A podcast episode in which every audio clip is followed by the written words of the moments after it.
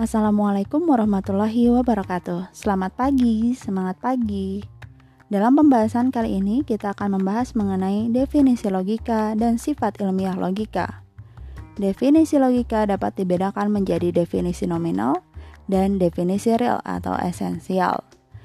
Definisi nominal berarti menjelaskan suatu pengertian atau barang hanya dengan menerangkan namanya atau arti katanya saja. Lalu, Bagaimana definisi nominal dari logika? Logika berasal dari kata logos, artinya ucapan, kata lisan, kata budian, pengertian, pemikiran, atau ilmu.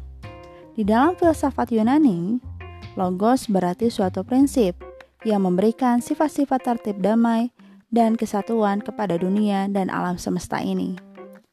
Kemudian, jika kita definisikan logika secara real atau esensial, artinya kita betul-betul menerangkan hakikat atau esensi dari barang yang didefinisikan itu. Logika menurut definisi real atau esensial dapat diartikan adalah ilmu pengetahuan dan kecakapan untuk berpikir dengan lurus dan benar.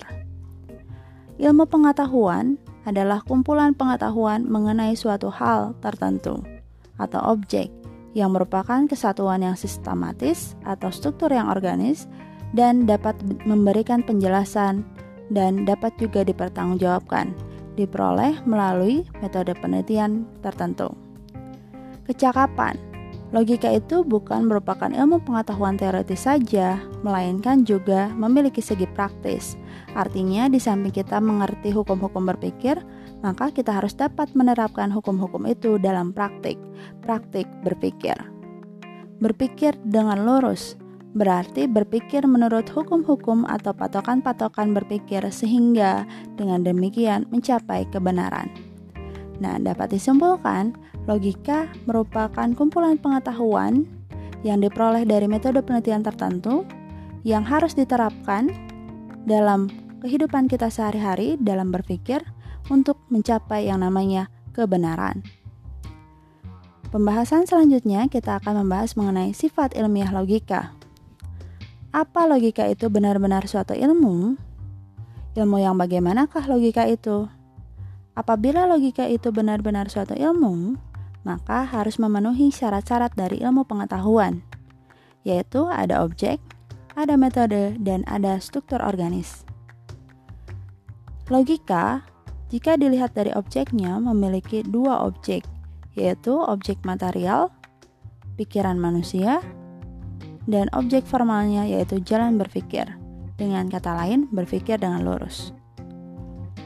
Jika dilihat dari metodenya, Logika juga memiliki dua metode, yaitu analitis dan juga sintesis. Memperhatikan analisis pikiran sendiri untuk mendapatkan hukum-hukum atau patokan-patokan berpikir. Setelah diperoleh patokan-patokan itu, kemudian disusun sintesis dan dijadikan sekumpulan hukum, hukum berpikir. Syarat yang ketiga yaitu struktur yang organis.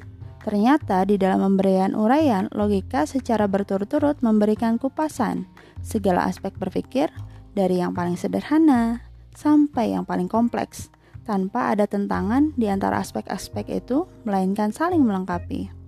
Misalnya, dari masalah mengerti, kemudian berpendapat, dan akhirnya sampai pada penyimpulannya. Nah, jika dilihat dari syarat-syarat ilmu pengetahuan, objek, metode, dan struktur organis, logika memenuhi ketiganya. Lalu, ilmu yang bagaimana logika itu? Ilmu pengetahuan dapat diperinci atas dasar objeknya.